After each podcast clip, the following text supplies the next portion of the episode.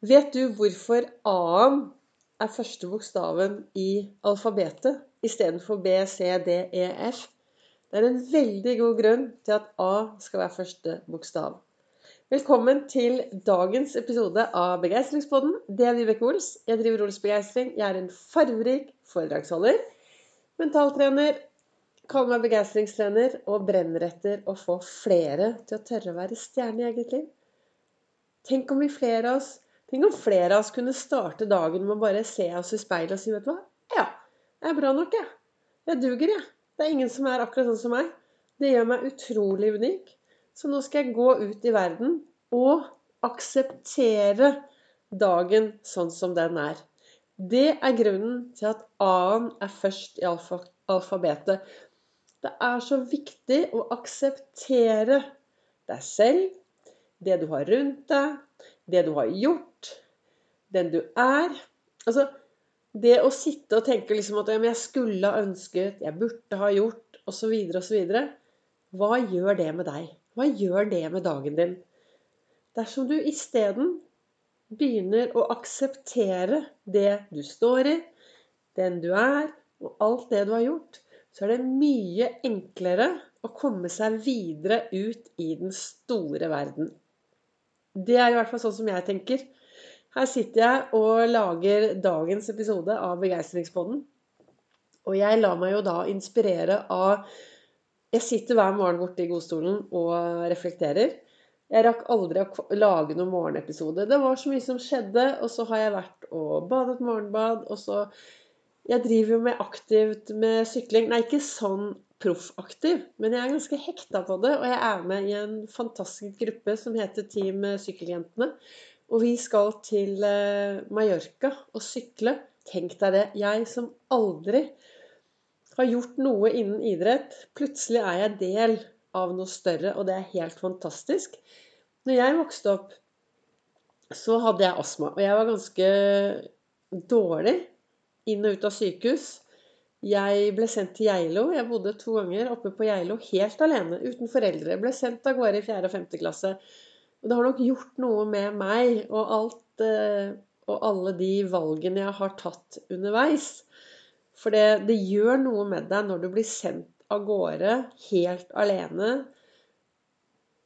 langt vekk, og bor der uten mor og far, og er veldig syk. Ikke får puste og har følelsen av at du holder på å dø. Det gjør jo noe med oss. Jeg, det fikk nok meg til å føle at kanskje jeg ikke var så veldig verdifull. Kanskje ikke så mange brydde seg om meg, men i dag vet jeg mye, mye bedre. Og jeg kunne jo nå satt meg ned og tenkt liksom at ja, av sånn og sånn og sånn, så er det sånn og sånn og sånn. Men jeg har heller eh, gått tilbake da, i fortida, og så har jeg sett på den med voksne øyne, og der og da så var det sånn det ble gjort. Eh, når jeg vokste opp, så var det sånn at du ble sendt vekk hvis du var veldig syk. Og, og videre, mens jeg var hjemme, så fikk jeg aldri lov til å drive med idrett fordi jeg var veldig dårlig med astmaen. I dag vet vi mye bedre. Beste måten å holde seg frisk for astma, det er jo å bevege seg. Det å få opp lungekapasiteten. Så jeg pleier å si når jeg er ute og sykler nå og meldt meg inn i en klubb og er kjempeaktiv, så pleier jeg å si at jeg må fra jeg var null da, og opp til jeg var en 20 år. Jeg fikk aldri drive med idrett. Så nå skal jeg jo ta igjen alt dette her. Så det er derfor jeg driver og sykler. Så ja, det var bare en sånn liten innom det jeg har gjort i dag. Men jeg satt i, i eh, godstolen, og så leser jeg i kalenderen min, og så står det 'Omfavn den du er'.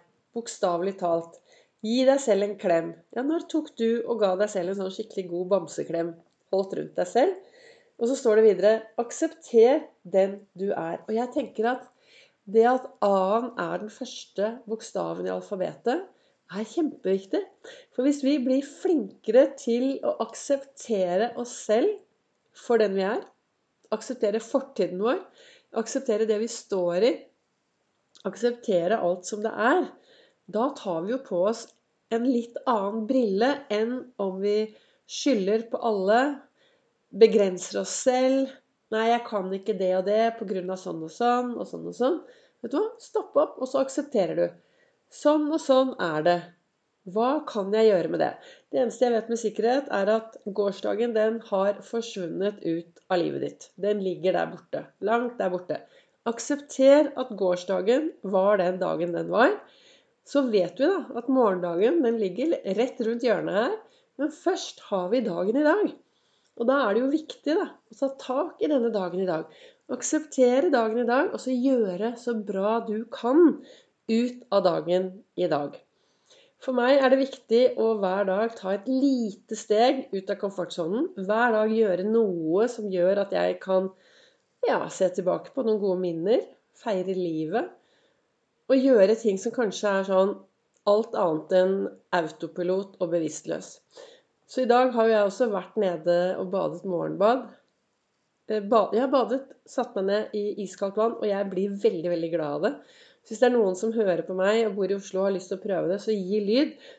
Jeg kan på mange tider av døgnet, og jeg er klar for å ha med meg folk ut og bade nede på Ulvøya. Og så har jeg da vært og syklet denne lange turen, for vi driver og trener til et ritt vi skal til eh, på Mallorca. Men det jeg leste i boken, sant, det at det står at man skal akseptere den du er.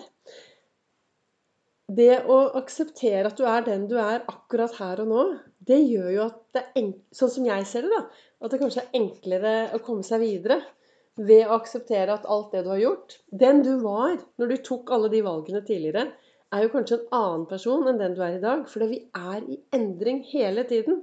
Så hvis du er en som ser tilbake for fem år siden, ett år siden og tenkte å herlighet, er det mulig? Alle de beslutningene jeg gjorde da, de var jo helt idiotiske. Ja, men da var du kanskje et annet menneske. Og da kommer vi også over på det som står i den andre Jeg har jo to kalendere her. Den ene er 'Du er fantastisk', og så som jeg har kjøpt på ark. Og den andre er eh, en kalender jeg har kjøpt også sikkert på ark eller i en eller annen bokhandel. Og den er laget av Herregud og co. Det er en svensk kalender, men den er på norsk, da. Og der står det 'Dårlige beslutninger kan bli gode historier'. Og er det noe som er viktig for meg, så er det å bruke humor. Jeg bruker veldig mye humor. Når jeg holder mine foredrag, så er det mye humor. Jeg fleiper og tuller ikke, ikke tuller, men jeg bruker humor for å komme meg videre. Og jeg, det er jo noen som sier til meg at du Vibeke, det der foredraget ditt det er jo ikke bare vanlig foredrag. Det er faktisk en standup i begeistring, hverdagsglede og arbeidsglede. For for meg er det viktig å bruke humor i hverdagen. Ja, jeg har tatt en haug av dårlige beslutninger. Um, tre ganger i livet mitt så kjente jeg mavefølelsen, men jeg sa nei og gjorde noe helt annet. Det har jeg gjort lærdom av. Og uten den lærdommen så hadde jeg aldri stått her jeg er i dag. Men nå følger jeg mavefølelsen enda mer. Men det er det å, å bruke uh, Hva skal jeg si Det å bruke litt humor, og så akseptere at du er akkurat der du er i dag.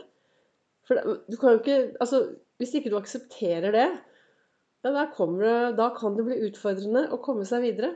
Og så står det i, eh, i boken til Lasse Gustavsson så står det en optimist er et menneske som uten penger i lommene bestiller østers, i håp om å kunne betale regningen med perlene han finner.